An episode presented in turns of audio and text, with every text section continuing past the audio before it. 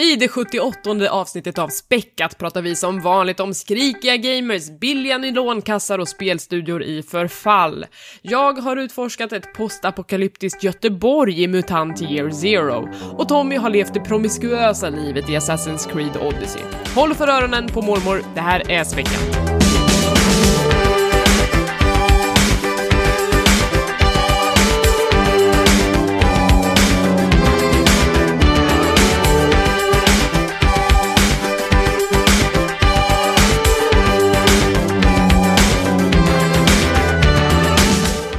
Och välkomna till Späckat, en podcast om spel och allt runt omkring. Det här är avsnitt nummer 78. Jag heter Elisabeth och med mig idag har jag Tommy. Tjena Elisabeth. Och ingen mer, det är bara du och jag idag.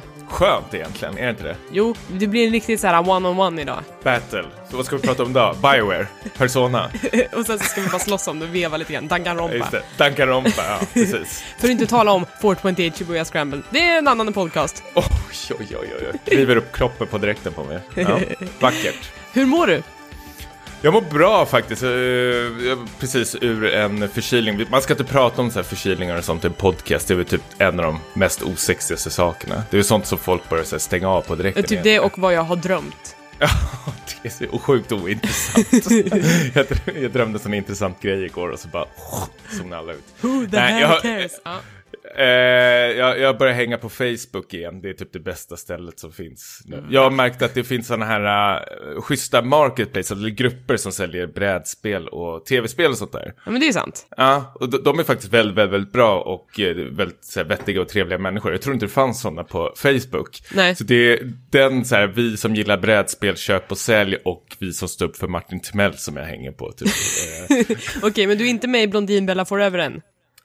Nej, det, det är förstås, jag har kollat runt lite men det verkar ju vara, e- efter du pratade om det förra avsnittet, jag var väldigt in, intresserad men jag hamnade på Joakim Lamotte av någon konstig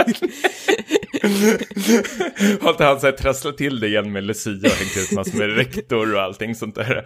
Men, men jag, jag, vill bara, alltså, de här grupperna är ju pissroliga, alltså det är ju typ som så här tidningen Mad eller något liknande. Alltså det är, ju- man vet inte om det är på riktigt eller om det är typ, satir eller någonting. Ja, ja, men ja. det är på riktigt. Men senaste var väl den här, vi som står upp för Martin Timell-gruppen så var det någon som hade länkat till nyheter. Det stod typ, eh, här är Timells nya jobb efter typ skandalen. Och så en bild på Martin och Anders. Så tänkte jag så här, vad, vadå nya jobb? Det här är jättekonstigt ju. Det här måste handla om Anders. Och så läser jag kommentarsfältet och så står det så här, grattis Martin till nya jobbet. Och alla på Facebook skriver så här, eh, äldre människor är oftast typ så här, fan vad bra det är Martin, eh, grattis till nya jobbet. Så här, Martin, Martin Timell kan väl inte fått ett nytt jobb? Så klickar jag på den här dumlänken. Och så står det, ja, Anders Timells nya jobb är bla bla bla. Ja, det var brorsan som hade fått jobb alltså. Ja, men, men folk tror det var Martin Timell och satt och grattade honom. Ja, det är så, så kan det gå. Så kan det Ja. gå. Många har otur när de läser. De där orkar ju aldrig klicka, alltså allt, även fast man är ett klick ifrån, de är ju för lata för det. Alltså. Ja, det är sant. Det är sant. Ja, men det är kul. Ja. Samtidigt väldigt, väldigt läskigt att följa de här människorna faktiskt. Sverigevänner är väl typ. Ja, ja, ja det, det kan man väl säga. Det är väl lite samma, samma falang på något sätt. Jag ska ge dig senaste nytt ifrån Blondinbella-världen. Det var helt sjukt igår när hon hade en livesändning på sin Instagram där hennes, en av hennes kompisar slash business partners, Pingis Adenius intervjuade henne om hela den här grejen på den mest knaggliga engelskan jag någonsin har hört. Men det var liksom, ja jag vet inte, det går ju inte att se den här i efterhand, men den var så otroligt dramatisk där hon liksom försöker förklara sin ståndpunkt. Men grejen är att typ hela det här Blondinbella-communityt har ju börjat fatta att hon ljuger om, om väldigt mycket grejer och börjar tycka att hon är ganska knäpp liksom. Så då försökte Nej. hon rädda ansiktet med den här livestreamen, men den var nästan ännu mer bisarr. De satt liksom i VIP-loungen på Arlanda och var så hårt makeade så att det såg ut som att de hade så teaterljus i ansiktet och bara Hampus, jag vet inte om du tittar, men en dag, om kanske tio år, kanske vi ses igen och då kan du förklara för mig varför du gjorde så här mot mig. Och man bara, jag, jag fattar inte att det här händer. Jag fattar inte att det här händer. Det Otroligt här hashtag, le, hashtag late stage eh, capitalism. Ja, jag trodde hon var på flykt, men nu sitter hon här i VIP-loungen på Arlanda. Ja, hon, hon mår svinbra. Hon har aldrig mått bättre. Precis, precis. Ja, den, här härvan fortsätter också. Jag tänker att du kan rapportera till mig från Stå upp för landet, så kan jag rapportera till dig från Blondinbella-landet. Ja, smuts båda två nästan, eller? Ja, ja, det är typ lika illa. Härligt. Hur med dig då? Har det hänt något kul förutom blondinbella då? Eh, jag har varit på årets första julbord. Jaha, frossat? Ja, frossat som fan faktiskt. Nu har det varit med jobbet och sen ska jag på två julbord med olika delar av familjen innan julafton. Så det kommer bli, jag kommer liksom provsmaka en massa olika julbord, jag kommer kunna jämföra dem med varandra och allting, men redan efter det här första julbordet så kände jag nästan att man, det är ju för mycket på något sätt.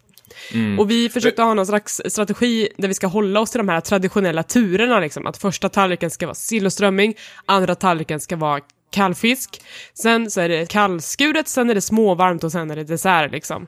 Eh, Men, men jag är ju redan mätt på andra tallriken. Jag tänkte när du är på julbord med jobbet, Mm. har ni så här att det är två enheter per person något liknande? Vi, vi har ju det till exempel, vi har haft det varje år. Ja, men två enheter, eh, sen får man liksom pröjsa själv. Och då är det varje år, varje år så är det en lustig kurre som tar fram två flaskor och säger Räknas det här som två enheter? Wow! Nej men, eh, men grejen var att vi hade, så, vi hade så tidig sittning så att vi började typ klockan tre så det var ingen som var så här sugen på att dricka alkohol nästan. Äh, spritlunch i mediebranschen är vanligt annars. Ja men det är sant. Och sen så vill jag ju liksom bara så här understryka att det är ju inte några public service-pengar som går till det här för vi är ju ett externt produktionsbolag så att ni kan vara lugna. Jag har inte supit upp era, era radiotjänstpengar. Men det är ju typ det man hoppas nästan att typ så här, det är dit Radiotjänst ska gå till det jag betalar. Att liksom en riktig jävla skön sup till en praktikant eller någonting. jag hade blivit så jävla glad då faktiskt. Varför är folk så oroliga över det? Jag fattar inte. Det är klart man måste få kröka till lite. Ja, fast kanske inte för statliga pengar som det nu kommer vara efter nyår. Gud vad jag kommer ha kul med min Twitch-chatt efter nyår när alla kommer och bara, är det det här mina skattepengar går till? Då måste jag säga, ja. Men, men tänker aldrig folk liksom att sin procentdel av eh, skatte, alltså det man betalar skatten till kanske, jag, jag brukar alltid göra så i fantasin, typ så här, okej det här tycker inte jag om, men kanske mina pengar gick till något annat då förhoppningsvis. Det här kanske, förstår vad jag menar? Ja, jag fattar. Ja, att inte. allting är uppdelat hela tiden, sjukvård och bla bla bla bla. Jo, och så tänkte jag, ja men i den här månaden känner jag att mina pengar har nog gått till, SVT, eftersom det var så bra dokumentär jag såg där. Ja, den här månaden har det gått till typ en motorväg någonstans ute i... Precis, jag lurar mig själv. Typ. Ja, jag vet inte. Det är så, det är så himla mycket liv om det här just nu, eh, nu när det ska gå över till skatten. Så att jag bara, jag är tyst, ser glad ut och försöker göra bra content som folk eh, uppskattar på något sätt. Det är typ det jag kan göra. Härligt. Ja, ja, ja, men eh, så julbord är det alltså nummer ett av tre. Jag kommer väl att rapportera från de andra två så fort jag kan. Ja, jag undrar om det blir... Jo, men vi kör alltid julbord, eh, förutom jobbet, och kör vi med familjen. Mormor är alltid besviken och säger att det var äckligt. Vilken är favoriten på julbordet för dig då? Att äta eller? Ja. Alltså mat? Ja. Vi vet att det är drickan, men utöver det. Eh, nej, nej, men jag, jag krökar aldrig till faktiskt på julbordet. Jag, jag vill bara därifrån. Nej, men jag vet inte. Jag tycker bara att alltså, all, så fort det är buffé så får jag tycka det är rätt så äckligt faktiskt. Att det är bara det är massor med maträtter som blandas ihop i varandra. Så är det bara en jävla röra. Det, det blir nästan som så barnmat känns det som. Eh, jag tycker väldigt mycket om julmaten vi får hemma som eh, mamma eh, och pappa lagar. Eh, den är ju helt underbar på julafton, för då får man nästan plocka sin egen tallrik. Man vill ha, nischa den lite mer själv. Men det känns som man går på de där bufféerna så kommer man bara sleva i den där tallriken och sen... Man måste ta lite av Nej. allt. Ja, nej, jag vet inte faktiskt. Jag vill ju säga köttbullar, men då vill jag ha liksom så här potatismos och brunsås och liknande. Ja, då, är det, då är det ju inte ett julbord du pratar om Nej, längre. precis. Men då är det liksom så här kalla eller varma köttbullar som bara ligger där. Så måste man hitta den där... Måste man alltid fråga efter äppelmosen och folk tror att man är dum i huvudet som vill rulla runt de där köttbullarna äppelmos. Jag tycker det är skitgott. Ja, det fanns äppelmos på det här julbordet som jag var på. Finns ibland, finns ibland inte. Och då Ja. måste man så här, vara stökig och fråga köket och grejer. Ja, Så, är Då bråkig. julen förstört. Ja, verkligen. Ja, jag kan säga att min favorit är lax. Så det var därför jag var mätt vid tallrik nummer två, för jag hade fyllt den med lax. Jättemycket Ja. lax. Mm. Men blir det väldigt torrt efter ett tag? Den är ju slemmig. Ja, men ja, jag tänkte bara när man trycker i sig. äh, Ja, jag äter dålig lax då kanske. Ja, alltså jag vill ha Torr så här lax. gravlax eller inkokt lax eller sån där. Någonting sånt som är Mm. lent och fint va? Eh, har du några spelnyheter på lager då? Ja, har du hört talas om Battlefield? Jag har talas om Battlefield. Vi pratade ju om det väldigt mycket förra veckan. Väldigt mycket. Jag spelar det väldigt mycket faktiskt de senaste eh, dagarna. Jag tror jag ligger och klockar på 40 timmar nästan. Det tycker jag är rätt så duktigt. Mm, håller det fortfarande? Ja, jag tycker det. Eh, jag, jag vet att jag sa att att eh, det inte var så buggigt, men nu börjar buggarna komma mer och mer faktiskt. Jag har till och med haft problem att vissa banor har liksom inte kunnat öppnats och att liksom eh, när jag ska quitta spelet för att gå ut i menyn så har det inte funkat. Eh, dock är det bara mig det har inträffat. Mina vänner som jag spelar med suckar ju varje gång jag, eh, det här händer. Mm -hmm. Men eh, det som jag varit mest peppad på är den här uppdateringen som skulle komma idag, den 4 eh, december. Så skulle Dyson ha en jättestor uppdatering med så här, practice range och massor med buffer, nerfs och allting. Och då valde de att ha någon slags Twitch. Twitch-stream igår kväll inför den. Som jag faktiskt satt eh, halvt klistrad framför och tänkte, ja men det kan jag väl titta igenom. Mm. Eh, vilket de började inledde med att säga att det inte blir någon uppdatering imorgon. Åh oh, nej! Vilket, ja, och eh, det var inte alls förvånat att alla gamers på alla forum, och, eh, alltså Reddit och på EOS eh, hemsida och allting liksom gick bananas och var typ så här. Tyckte vad DICE är en jävla super och allting och hur de hanterar att de inte släpper det. För allt det skulle släppas liksom så här single play-kampanj, det ska släppas eh, ett nytt eh, multiplayer mode, uh, alltså massor med grejer ska släppas. Men det de sa tydligt i streamen flera gånger var typ att vi känner oss inte helt klara, vi vill testa lite fler saker och vi vill kunna släppa det liksom eh, när, vi känner att det kan släppas mm. och därför kommer det dröja x antal dagar. De sa inte när, eh, men det skulle inte ta liksom flera veckor, vi kanske får vänta fyra, fem dagar extra eller någonting. Jag tror men det är väl rimligt? Fan där bort. Ja, jag tycker det ändå. Och jag tycker det här är så återigen typ så här skrikiga gamers. Alltså att folk blir liksom aldrig, aldrig nöjda om hypotetiskt sett om de skulle släppt den här patchen idag då och det hade varit buggigt eller inte funkat som det skulle. Mm. Då hade ju folk fortsatt liksom gapat. Så de, det är ju någon slags, de är ju någon dålig sits där, eh, DICE, eh, tyvärr. Jag ja. vet inte Alltså, Vad de det beror mycket... på? Är det bara för EA är huvudcheferna nu? Ja, men de har ju dragit på sig mycket badwill under de senaste liksom, ett och ett halvt åren. Dels med då Star Wars Battlefront, då var folk redan sura. Och sen så nu Battlefield 5 med hela den här uh, Not My Battlefield-kampanjen som vi har pratat om x antal gånger. Då känns det som att det finns en klick arga personer som är redo att hoppa på dem så fort de gör någonting som inte är 100% perfekt. Och när de väl gör någonting som är 100% perfekt så skiter de i det liksom. Mm. Uh... Jag har ju märkt det här bland YouTubers också för jag har sett det största aset av dem alla, den här Angry Joe som jag typ verkligen avskyr. Men det är någon slags äh, här trainwreck som jag måste klicka på ibland bara för typ så här jag tittar aldrig igenom dem men typ så här, klickar förbi och så suckar jag så blir jag så här irriterad. Jag vet inte om du har någon liknande sån där. Någonting du verkligen avskyr så otroligt mycket men du måste tyvärr läsa den här, vad den här personen skriver eller uh, yttra sig. Förstår vad jag menar? Ja men typ Blondinbella. Angry Joe och Blondinbella i samma nivå. Uh, nej, men då sitter han typ såklart första tio minuterna och bara så här, skriker, ingenting som funkar och typ så här, ah, för att de har låst vissa saker i menyerna där det står typ så här 4 december. Han bara, ah det är ett fullt spel, det ska ju, allting ska bara funka när jag startar spelet. Och samtidigt så klipper han in massor med klipp när han sitter och spelar med sina kompisar. Och då sitter de och skrattar och säger, säger, säger Oh, this is so epic, wow, that's cool. Att de har skitkul liksom.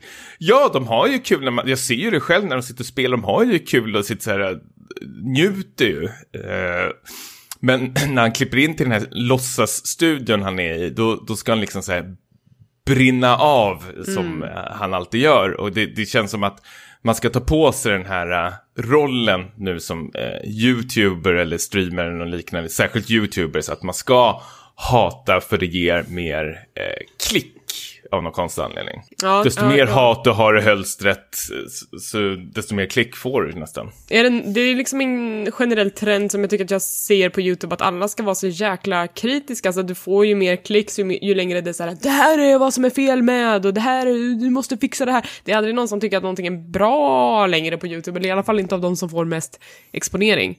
Och Nej. det blir så en otroligt negativ kultur tycker jag, där man bara ska liksom hacka på saker. Det var därför eh, typ jag och Micke vi följer en, en film-youtuber som heter Movies with Mikey, just för att han är så duktig på att lyfta saker han tycker är bra med film.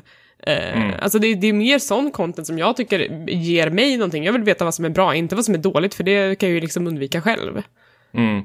Alltså kritik är ju bra. Jag hade en gammal eh, film... Eh, lärare, eh, vi, när vi gjorde sådana här kortfilmer i, eh, på universitetet som kom och recenserade oss, han, någon höjdare från SVT.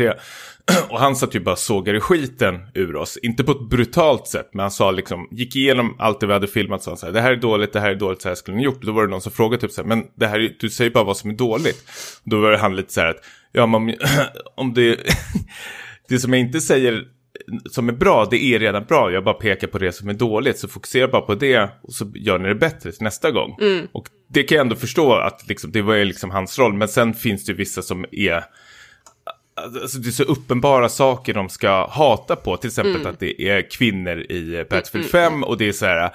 Men herregud, snälla, det är ett spel och det finns, fanns kvinnor i världskriget. Alltså de orkar inte ens slå upp en bok eller kolla lite på Google utan de känner bara att de är väl rädda för feminism, vänster eller något liknande och tror att det kommer ta över spelvärlden och bla bla bla bla. bla.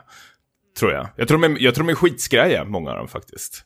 Jo, men så är det ju också, men de vill ju också ha mycket likes. Och mycket views. Ja, ja. Självklart, självklart, självklart är det det. Men jag, ja, samtidigt så tror jag att det är... Jag vet inte, jag ty tycker bara alla är dumma i huvudet just nu på YouTube. Och de här fula jävla thumbnailsen som de har också, typ med stora versaler, helst gul eller röd text. eh, det står typ så här, What's wrong with Battlefield eller Fallout 76. Det är aldrig någon som har något så här intressant att säga nästan känns som. Är jag gnällig nu? Nej, jag tycker det är rimligt ändå. Det, Ja. det tycker jag absolut. Men...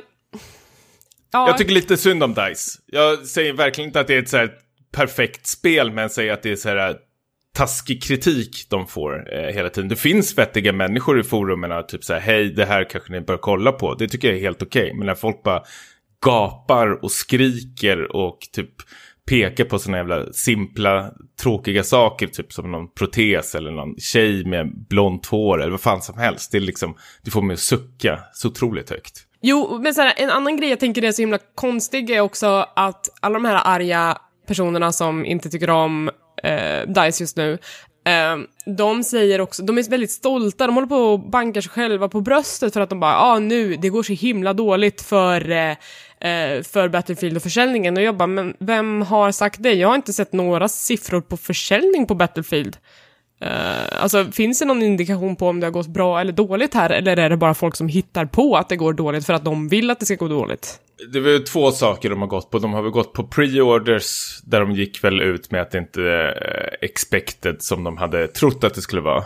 Eh, och sen var det väl att eh, för några dagar sedan, precis som Fallout 76, så gick ju Battlefield 5 ner i någon slags rea bara veckor efter release. Och då eh, slår de väl ihop ett plus ett där och får ihop någonting. Men det är samtidigt som du säger, det är ingen som har släppt några siffror. Vad, vad är en dålig försäljningssiffra? Är det liksom, alltså ska du slå Battlefield 1 eller Battlefield 4? Det kanske det inte gör, men det kan ju sälja fortfarande väldigt bra för att företaget ska gå runt. Mm, ja, men precis.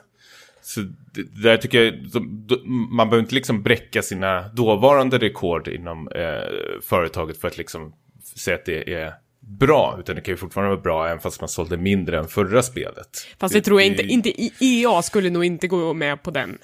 Tror jag. Nej, nej, det är möjligt att de inte skulle göra det. Men, ja. Ja, vi får, Man får, man får tänka långsiktigt också, kanske säljer det under en längre tid bättre eller någonting sånt där. Ja, men precis, de har ju väldigt- typ, långsiktig eh, roadmap. Det är, det är så här att det, vi är bara i början av Battlefield 5s livstid nu, så att det ko- kommer ju hända mycket under vägen. Jag tror att folk kommer hoppa på och av tåget under, under tidens gång. Mm. Och ja, alltså, som sagt, Battlefield 5 det är ju inte ett komplett, det är inte världens bästa spel, långt ifrån. Men jag känner bara att det är, jag känner att det är väldigt mycket folk här som krigar och försöker få till det här spelet, som sliter som fan på DICE. Eh, som är säkert så här, sjukt duktiga och säkert, jobbar säkert piss mycket just nu. Jag känner bara lite ödmjukhet kan man väl eh, visa i alla fall till de här spelskaparna. faktiskt. Eh, sen behöver man inte tycka om det. Om, det. om man tycker ett dåligt spel, då är det fine. Det är upp till var och en. Men det är väl mer hur man eh, yttrar sig, kan jag tycka. Exakt. Eh, en annan spelstudio som det inte har gått bra för dokumenterat här i eh, Stockholm är ju Starbreeze Studios, min gamla arbetsgivare va? Eh, de- Lämnade skeppet. Ja, jag lämnade Innan absolut sjönk. skeppet i tid, men det var ju för att jag fick en så fruktansvärt fin tjänst på PT-spel. Eh, Det var väl bara en jättebra timing tänker jag, men igår Eh, så gick företaget ut med pressmeddelande där, de säger att de ska ansöka om rekonstruktion och att företagets vd Bo Andersson avgår. Och när börsen öppnade på måndag morgonen så rasade aktien ner till under kronan. Eh, så att nu är det liksom fritt fall där på något sätt. Och vad en rekonstruktion innebär, som jag har förstått det, är då att de, de fryser alla fordringar, så att, så att eh, de har tydligen jättestora skulder, de har inte eh, intäkterna som krävs för att täcka de här skulderna, men om de är i rekonstruktion så kan de här skulderna inte krävas in och de kan därmed inte försätta sig i konkurs. Eh, så att nu ska de alltså få en tid på sig att försöka styra upp den här skutan som då inte drar in några pengar för tillfället. Mm. Eh, men det ser ju liksom mörkt ut för att det som, det som de har ute just nu, inget av det är en kassako och när man är spelutvecklare, man kan inte bara slänga ut ett nytt spel som ska tjäna pengar, det tar ju år liksom. Så att det är många som, eh, ja, har någon slags domedagstänk här och säger att det kan vara en konkurs på gång därefter. Eh, det kanske handlar om att andra studios kommer att köpa upp de här licenserna som Starbreeze sitter på. Ehm, ja, det ser inte bra ut helt enkelt. Jag vet inte. Nej, vi har väl eh, System Shock 3 är väl eh, Starbreeze som... Som är förläggare, precis. Ja, precis. Och Psychonauts eh, 2. Ja, det stämmer. Men sen senaste, det de gjorde var väl ändå det här uh, The Walking Dead-spelet. Precis, och det, jag tyckte att det spelet lanserades liksom så himla mycket i hemlighet. Det var liksom ingen hype runt överhuvudtaget. Det var ingen som snackade om det och liksom det har fått ganska mixade recensioner och sådär. Och, och, och, det var ju liksom det det verkade som att det hängde på, för det är ju inget annat som kommer ut nu den närmaste tiden från dem. Mm. Uh, så att det här är ju uh, ett otroligt bakslag verkar det som. Och jag eh, är såklart skitorolig för alla som jobbar på kontoren där liksom. De, det kommer nog eventuellt vara många som kommer hoppa skeppet och behöva nya jobb nu också, för den delen. Men hur går det med Payday 2? Det är väl deras uh, största kassako av ja, alla? Ja, det är det Rullar inte det på rätt så bra uh, på Steam? Visst, inte kanske för att liksom hålla ett helt företag, men Jo men det, det går de... bra, det är ju ett av de mest spelade spelen på Steam liksom at all mm. times. Det är jättemycket folk online hela tiden och spelar det. Men när jag jobbade där så gick Starbreeze ut med att man skulle sluta släppa betalda DLC för Payday. Att allting som skulle komma därefter skulle vara gratis. Och då har man ju mm. liksom lovat fansen att nu ska ni inte behöva betala något mer för det här och då har man ju stängt av en inkomstkälla för sig själv. Mm. Hur, men vad betyder det? De kan väl fortfarande ha mikrotransaktioner i spelet? Men det, de har inte den sortens modell i spelet. Det, okay. det, är, ett, ja. det är ett ganska gammalt spel. Så de har alltid kört på DLC som kommer liksom uh. typ var, varannan, var tredje månad som kostar liksom fem dollar eller något sånt där. Okej, okay. jag har för mig bara det var så här cosmetic i det spelet, eller någonting, maskerna och allt. Nej, de ingår där. ju i DLC, alltså du köper ett DLC, då får du nya banor och sen när du spelar de banorna och uppnår så här hemliga achievements, då låser du upp masker på det sättet. Ja, okay. Och du kan ju också köpa masker för in-game pengar. Mm. Men inte med verkliga pengar, så.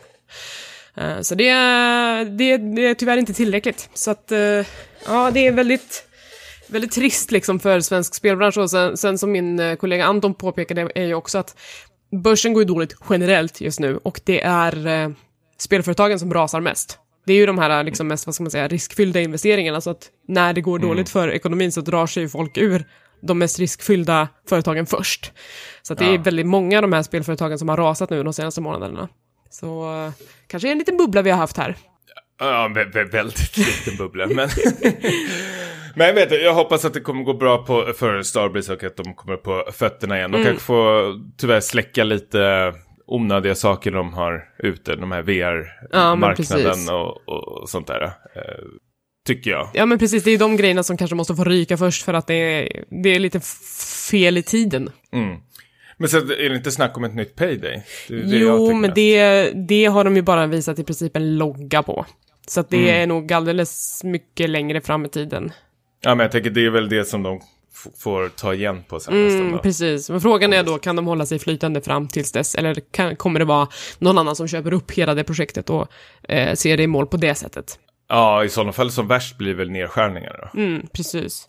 Ja, det, det blir är det är tråkigt för, eh, för Stockholms spelbransch, men eh, som vanligt, om, om det skulle vara så att det blir liksom en konk eller att det blir uppsägningar, så brukar ju spelvärlden vara ganska bra på att plocka upp eh, folk som har blivit av med jobben. Så jag, mm. jag hoppas på det bästa här, det gör jag. Jag också. Mm. Eh, vi har ju en, en till instans av skrikiga fans, Tommy. Ja, precis. Uh, har du talat om Fallout? Jag har hört talas om Fallout. Nej, men de släppte ju uh, precis vid release av spelet, eller som alla andra spel har, så finns det någon slags sån här Collectors uh, Edition. Mm. Och till det här spelet då så fick man med någon, skulle man få med någon sån här snygg, sexig tygväska. Det skulle inte ens vara en tygväska, vad heter det? En sån här, material? typ sån här canvasväv. Ja, precis. Vä väldigt snygg såg den ut som på så här bilderna. Eller snygg, vet jag inte. Nej, men den ser ju liksom re redig ut på något sätt. Den Ja, ser ut att vara bra precis. kvalitet på den. Men det... det folk fick hem efter att ha betalat den här 200 dollars eh, boxen då, det var väl någon slags ICA-kasse nästan. Så liksom. I nylon, den, va? Ja, den, den såg otroligt, otroligt så här, eh, fattig ut. Och folk gick ju taket, vilket jag kan förstå eh, faktiskt. Det här är ju en falsk marknadsföring Ja. eh, i stort sett.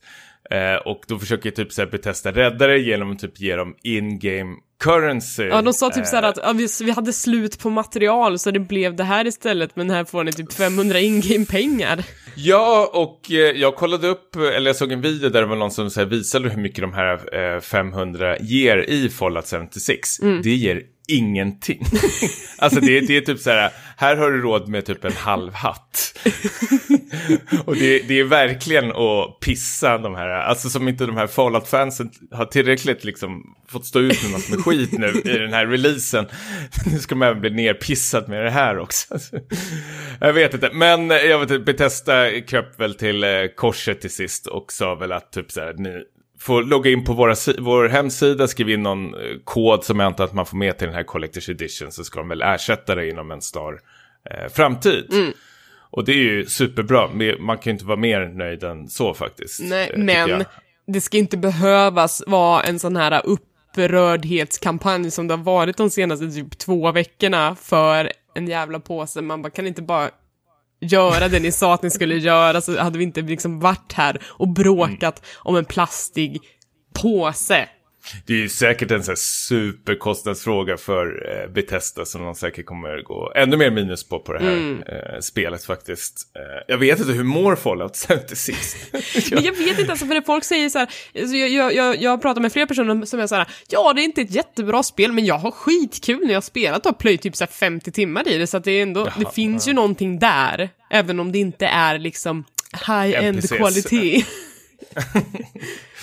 Ja, jag är faktiskt riktigt jäkla sugen på spelare faktiskt. Alltså det, det, är, alltså, det är någonting mer som jag känner att jag vill uppleva, se vad det är för någonting. Ja. Vad, vad är det för något? För jag har inte orkat titta på, jag tittar på lite videos på YouTube men jag känner så här, "Ugh, det, är, det är så trist att bara titta på. Jag vill prova det själv, se Ja. alla de här buggarna, för jag gillar ändå sådana här Bethesda-buggar egentligen. ja, det kan vara skojigt, det kan det vara. Ehm, det kanske är någonting vi ska göra under mellandagarna, vi kanske bara ska ta ett fallout-race. Ja, nej, vi får göra det. Ja, vi får köpa det allihopa här. Ja, kanske, kanske ska vara någonting. Nej, det är inte ett dugg nå- sugen. Någon slags självplågeri. Bara så här, hej, Ja. ska vi köra det värsta vi kan komma på? Ja, men de har ju gått ner i prisen bara. Den, det är ju tre, en eh, trehunking. Mm, mm, mm. Ja, ja, men då kan det ju vara värt faktiskt. Mm. Uppleva lite trams i uh, apokalypsen. Ja, Nej, men eh, vi är väl glada för fansen då som att de har lyckats fått sina eh, väskor tillbaka. På tal om det, har du, har, du har väl köpt mycket Collector's Edition? Känns Alltså en du är en sån. del. Den Det känns som när jag kommer hem till dig så är det troféer överallt. Jo, det kanske är, men det är, det är ju mest Amiibos känns det som. Jag har köpt typ så här, jag vet inte, Overwatch uh, Collector's Edition köpte jag, den var jag väldigt nöjd med. Då fick man så här Soldier 76-staty. Jag köpte ett Zelda, då fick man typ ett stort svärd som står i bokhyllan. Eh, men det är så här någon jag har fått som är... Så jävla mycket krimskrams. Jag vet, jag, det är därför jag slutat köpa dem, för jag bara, jag har ingenstans att ställa det och jag vet inte vad jag ska ha det till. Men, men, men jag fick typ Wolfenstein 2 Collector's Editionen, där är det typ en docka som är då eh, BJ Blazkowicz som Terror-Billy, som är så här en jätte, jättefin samlarlåda. För Terror-Billy är då nazisternas nidbild av BJ Blazkowicz, eh, att de målar upp honom som en liksom ultraskurk.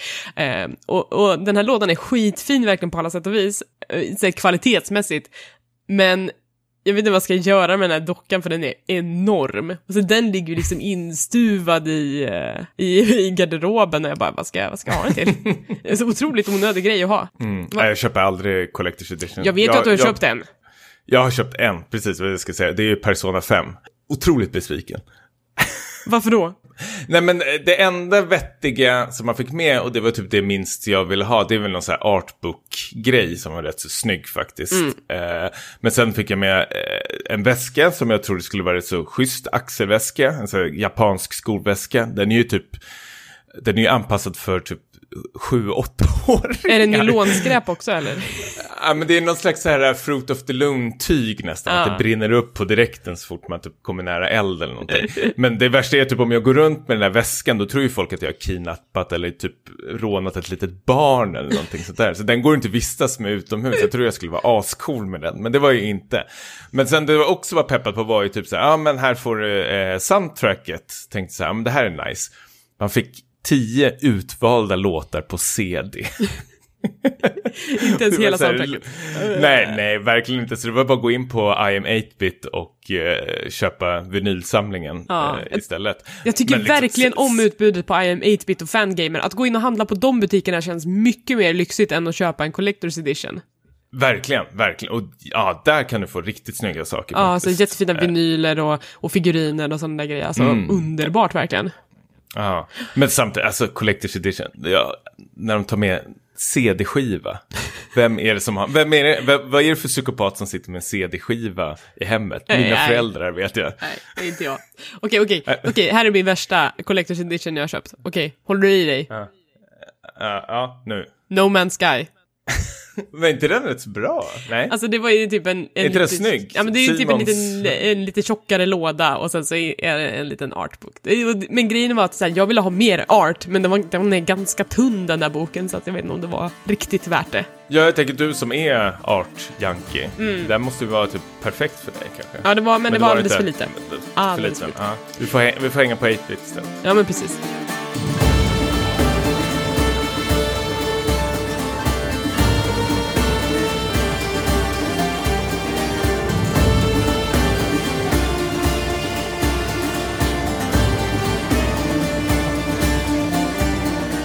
Tommy, Ja, Elisabeth. spelar du något bordsrollspel? Bordsrollspel. Papper och penna-rollspel? Uh, nej, det gör jag. Jag gjorde det när jag var liten faktiskt. Jag tyckte det var skitläskigt. Ja, spelar du någon MUTANT? Ja, jag har köpt Mutant. Ja, okej, du spelar inte då, men kanske nu? Nej, men jag har, kö- jag har köpt det, jag äger det, men jag har inte dragit igång någon spelen. Jag är för dum för att göra det. det är ju pissvårt ju. Jag öppnade den där regelboken och så började de kräva massor med saker tid av mig. Jag tänkte så här, men herregud. Nej, men jag och några kompisar är jättesugna, men jag ska vara rollspelsledare. Oj då. Och det, åh, gud. Ja, ja, precis. Okej, tack. så det, det Jag- hänger på det var dig det. allting? Det gör det, tyvärr. Men, Själv då? men, men om du, säg, jag har inte spelat jättemycket, men jag tänker så här att om du då vill få en introduktion till mutantvärlden utan att Mm. behöva läsa den där boken, så kan man spela det här eh, datorspelet som släpps den här veckan. Mutant Year Zero Road to Eden, eh, som är ett svenskutvecklad adaption av Mutant År 0. Och det har jag spelat eh, väldigt mycket av den senaste, de senaste dagarna. Mm. Eh, och det här är, vad ska man säga? Eh, om man ska bara förklara mutantvärlden lite snabbt så är det postapokalyps. Eh, mänskligheten har typ för det mesta dött i någon slags pest. Det har fallit lite atombomber, jada jada. Ni vet hur det är i postapokalypsen. Eh, men då har det liksom uppstått en massa mutationer så att de människor som är kvar, de har fått sådär uh, freaky powers och sen så är det ju många av djuren som har liksom börjat stå upp och tala och liksom bete sig som människor också. Och sen så handlar det mycket om att så här, ge sig ut i, i ödelandet och eh, skaffa resurser och ta med tillbaka dem till arken där, där alla bor.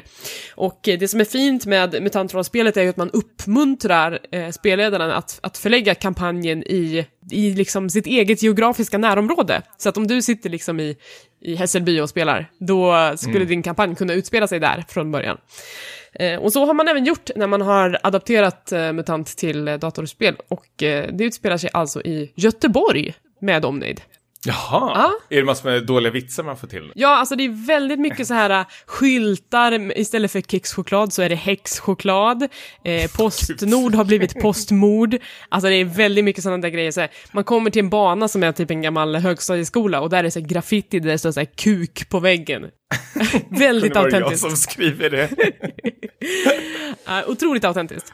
Eh, så att vi, eh, så vi börjar där helt enkelt och man spelar som eh, en, ett vildsvin som heter Bromin och en anka som heter Dux och sen så plockar man upp en massa andra stalkers som man då kallas längs med vägen och ger sig ut på uppdrag i, i ödelandet. Och eh, combat är turordningsbaserad taktisk combat alla XCOM. Vilket jag tycker var supertrevligt verkligen. Man vill ju ha fler sådana spel. Du, du har ju XCOM-spelen. Ja, jag vet, jag ska ju spela det också vid något tillfälle. Men det, det finns en stor skillnad i det här spelet jämfört med XCOM, och det är ju att till en början, alltså när man går, när, mellan striderna, så går man runt i realtid med liksom WASD-tangenterna och bara promenerar runt. Och sen så kan man när som helst typ hamra på mellanslag, och då går man in i det taktiska läget då det blir det här rutnätet och, och den turordningsbaserade eh, systemet. L- lite som... Uh, drag... Vad heter det? Mario Rabbids. Inquisition. Nej, Inquisition-spelet. Ja, typ, kan vi säga. Ja, lite- det var det. Ja. Lite Mm. åt det hållet. Eh, och eh, sen en annan stor grej med det här spelet är att det är otroligt mycket mer stealth. Så tänk typ att du approachar en grupp som i typ Dishonored. Att du ska plocka av dem en efter en i tystnad istället för att gå in guns blazing. Eh, så kan du göra det i det här taktiska utförandet. Och det tycker jag är ett superspännande sätt att göra det på. Hur är det med karaktärerna och allt? Är det insta-deff på de man är? Alltså om man förlorar en karaktär som dör i strid, försvinner hen alltid då eller? Nej, så är det inte. Du kan slå på något som heter Iron Man Mode, då tror jag att de försvinner. Okej. Eh, men, men liksom om de dör i strid så får du x antal turer på dig att typ återuppliva dem med ett medkit. Om du inte lyckas så är de ute för räkning under just den matchen, men sen kommer de tillbaka när själva striden är över. Okej. Och det här personer du träffar på genom resans gång eller är det några, är det liksom customized din karaktär? Nej, det här är liksom skräddarsydda karaktärer i spelet. Okej, som, ja. och sen så får man typ lite banter med dem när man är på väg mellan uppdragen och sådär. Så att det blir lite så här character development, inte jättemycket, men Mm. lite grann liksom. Eh, och sen så plockar man liksom upp en massa resurser, man ger sig tillbaka till arken, uppgraderar sina vapen, man uppgraderar sina karaktärer genom att ge dem olika mutationer. Ehm, och sen så köper man liksom, ja, typ medkits och granater och sådana där grejer. Jag eh, tänkte vara lite kaxig, så jag spelar på hard. Ehm, och eh, det är otroligt oförlåtande redan på den svårighetsgraden. Alltså jag måste ju typ sitta och save-skamma för att inte liksom vara helt körd. Och i vissa situationer så är jag typ helt körd. Man bara, jag har fuckat upp för mycket i det förflutna för att, för att typ kunna klara det här idag. Eh, Så att ibland så är jag väldigt nära på att dra ner på easy, men, eller normal tror jag det heter istället för easy. Eh, Så att det, finns en otrolig utmaning här om man är ute efter den, eh, den här taktiska utmaningen. Men, eh, men sen ska man också komma ihåg att det här spelet är ganska litet, det är ju liksom en indie-studio. Det finns inte så mycket att pilla med på samma sätt som, i, som jag har hört att det finns i XCOM. Utan det är mer så här, du, du går igenom den här main storyn, det finns inga sidouppdrag, det finns inget sätt att grinda upp dina karaktärer, utan du, du har det du har liksom. Okej, men det är väl ändå helt okej? Ja, alltså det är ju helt okej och jag tycker att det är otroligt bra jobbat för en sån här äh, liten studio som det ändå relativt är. Ehm, och sen så har de fått till en otrolig stämning i det här spelet. Det är snyggt som satan, det är så här äh, härligt 80-talsdoftande, drönande synt-soundtrack.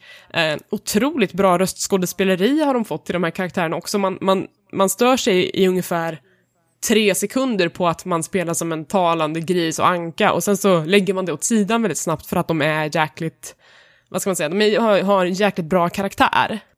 Så att eh, jag eh, känner, alltså det här spelet känns superpositivt för mig, även om det är lite lurigt och frustrerande ibland. Jag och Niklas som är XCOM-fans, vi kommer falla för det här på direkten tror du eller? Jag vet inte, jag tror och hoppas Nej. att den kommer göra det. Alltså, som, jag har ju själv inte gett mig på än, så att det är svårt för mig att säga. Alltså, när man är kanske van vid att XCOM är stort och matigt liksom, på ett annat sätt, så kanske man blir besviken på att det här inte är lika stort och matigt. Jag vet inte riktigt.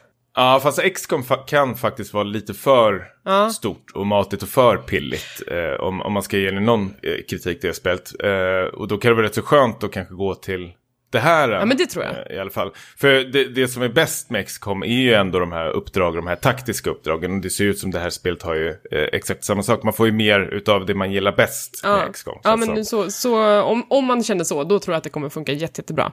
Eh, Mm. Och sen så är det, jag tror inte det är längre än kanske 20-25 timmar heller, så att det är en, en eh, Det är överkomlig jättelångt upplevelse. ju. Ja, men vadå, jag tror att XCOM inte är skitlångt. Ja, nej, men det klockar nog på samma sak tror jag faktiskt. Det beror på lite hur man spelar XCOM. Men Ja, så, okej. så otroligt långt är det inte. Ja, okej. Ja, men då så. Då är det väl ungefär lika stort då. Men mindre pill, Mm. kan vi säga. Ja, men du, du sa att man går tillbaka till basen och där får man fixa sina abilities. Ja, mest vapen. upp- Abilities kan du fixa egentligen när som helst och du kan byta ut ditt squad när som helst också. Men just vapen och sådana saker, det måste du göra i basen.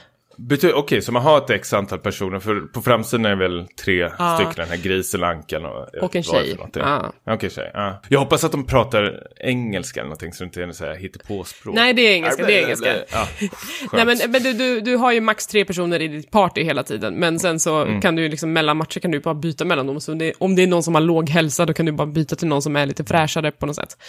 Och de här är nischade eller på olika grejer? Ja, de har olika ability trees, så de har ju lite olika inriktningar, så är det ju. Alltså grisen är mer tankig, ankan har mer snipergrejer, nu har jag fått en, en kille, en sån mänsklig kille som har så här mind powers, och jag har precis låst upp en mutation som är att han kan typ mind-controlla fiender och göra dem till sina dockor på något sätt, så det ska bli skitkul och spännande att se hur den funkar i praktiken.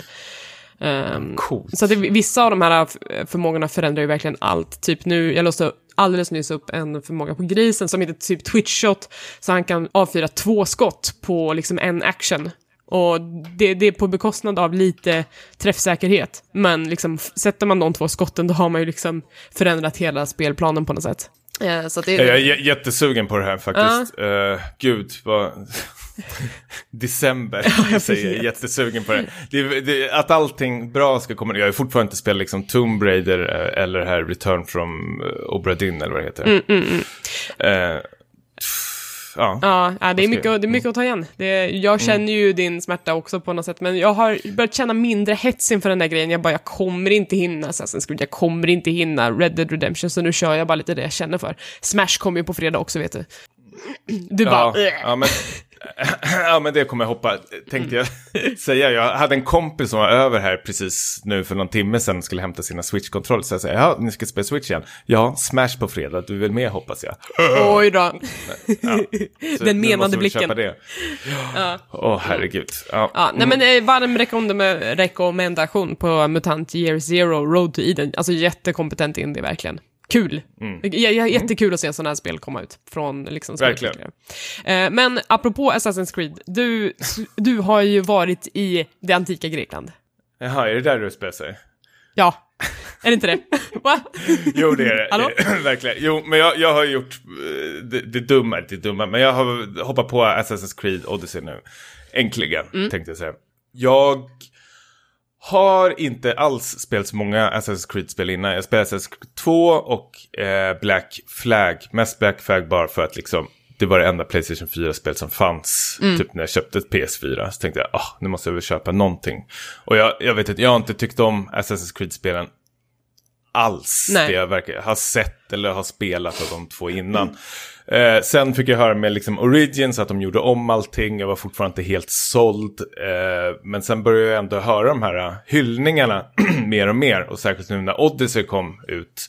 Att typ att det här är faktiskt eh, riktigt, riktigt bra. Och det var en en kompis till mig som sa typ att det är helt annorlunda eh, från de här gamla Assassin's Creed-spelen som du har suttit och spelat. Och då kom jag på att i Black Flag, eh, som säkert är en grej de har tagit med sig till de här nya spelen, så kunde man liksom betygsätta uppdragen.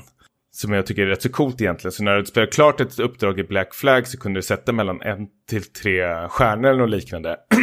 och det har de liksom förhoppningsvis liksom tagit med sig nu till de här nya Assassin's Creed-spelen. Så, nu är jag här. Nu är här. Odyssey. Och eh, det är ett Ubisoft-spel. Det är ett otroligt eh, Ubisoft-spel. Och eh, med det sagt att det är sjukt med plotter över hela jävla Grekland alltså. Det är fullt med uppdrag. Jag tror jag räknade nu i morse när jag satt och spelade hur många uppdrag jag hade som låg liksom vid sidan om. Det var 23 stycken Åh som låg där. jävlar! Och- Men gör du Ja, någon det- av dem? Eh, absolut inte. ja, okej då.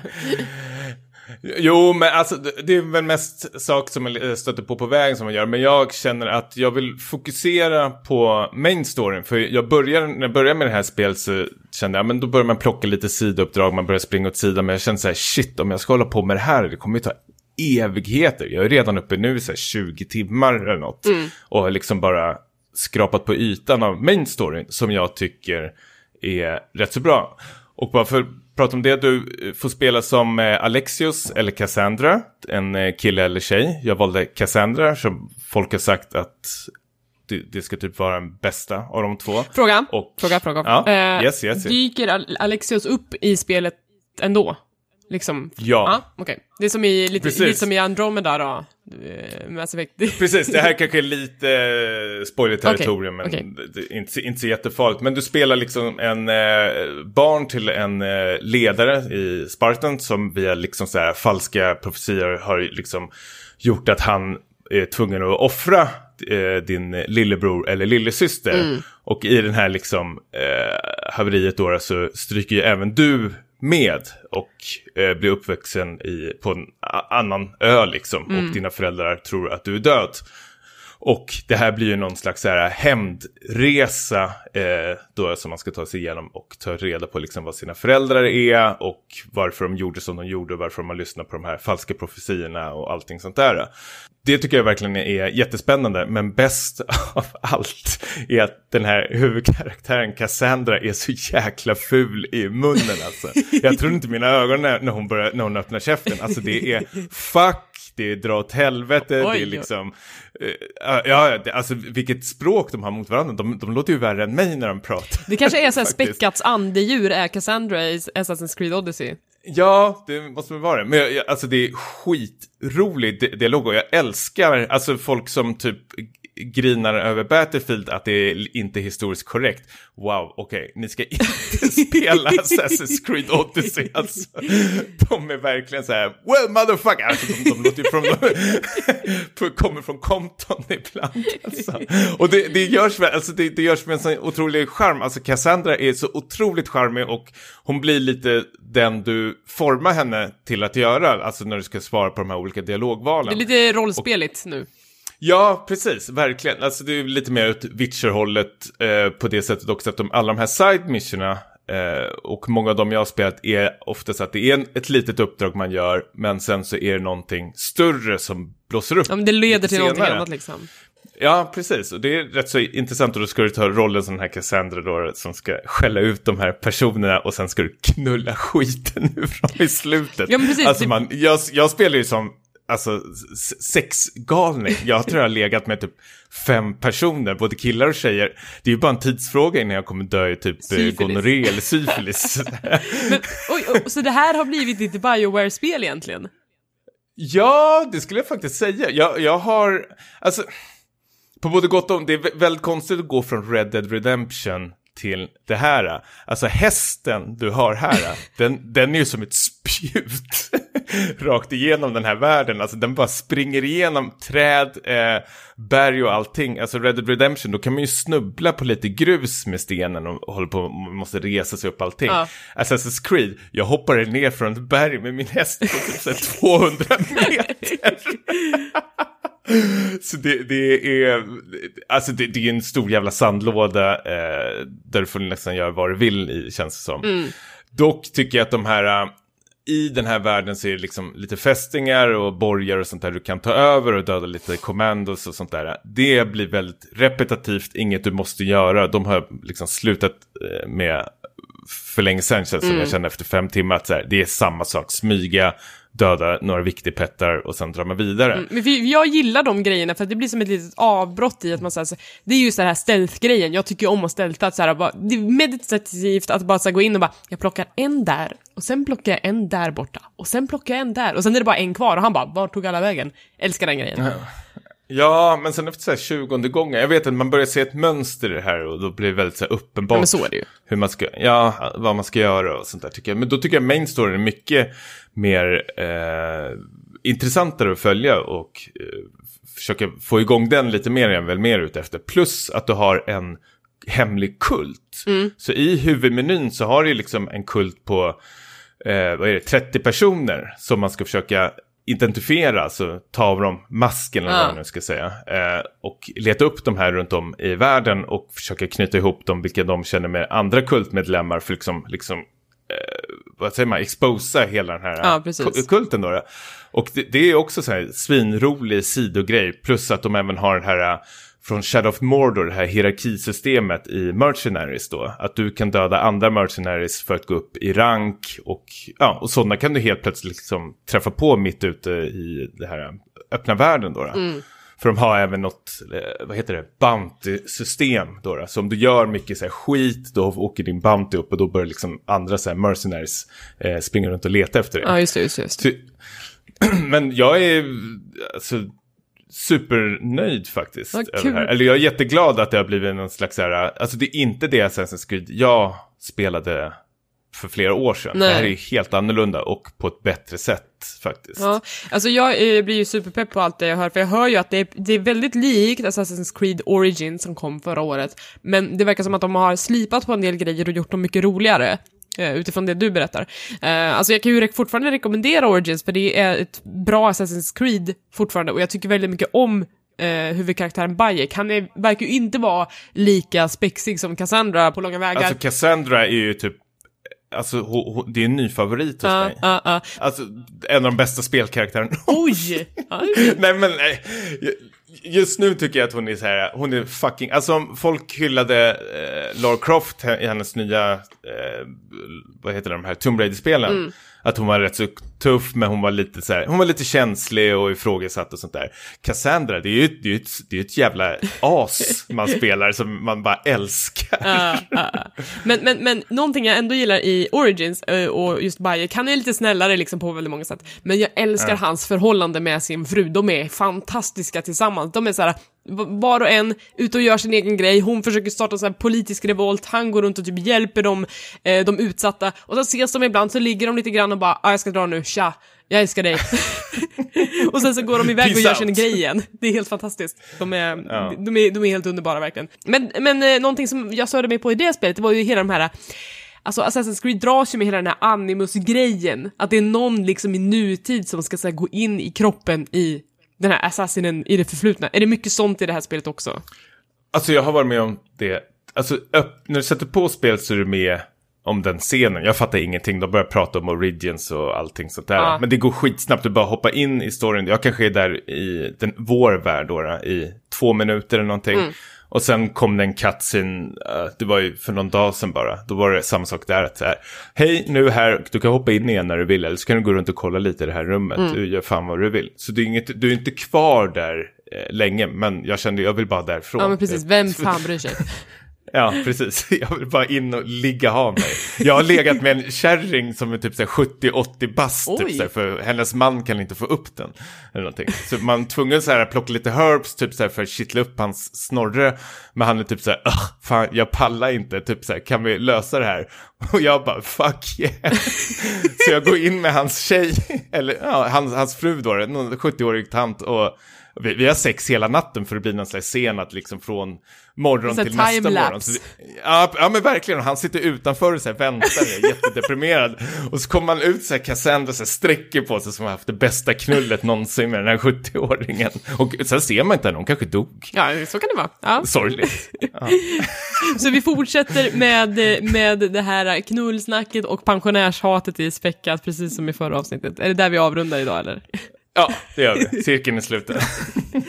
Åh, ja, jag, eh, jag, jag ser fram emot att spela Odyssey, det är också ett mellandagsspel för mig. Jag, eh, jag längtar. Men du som gillar att ha sex i spel, du, du kommer älska det här. Det är svinkul.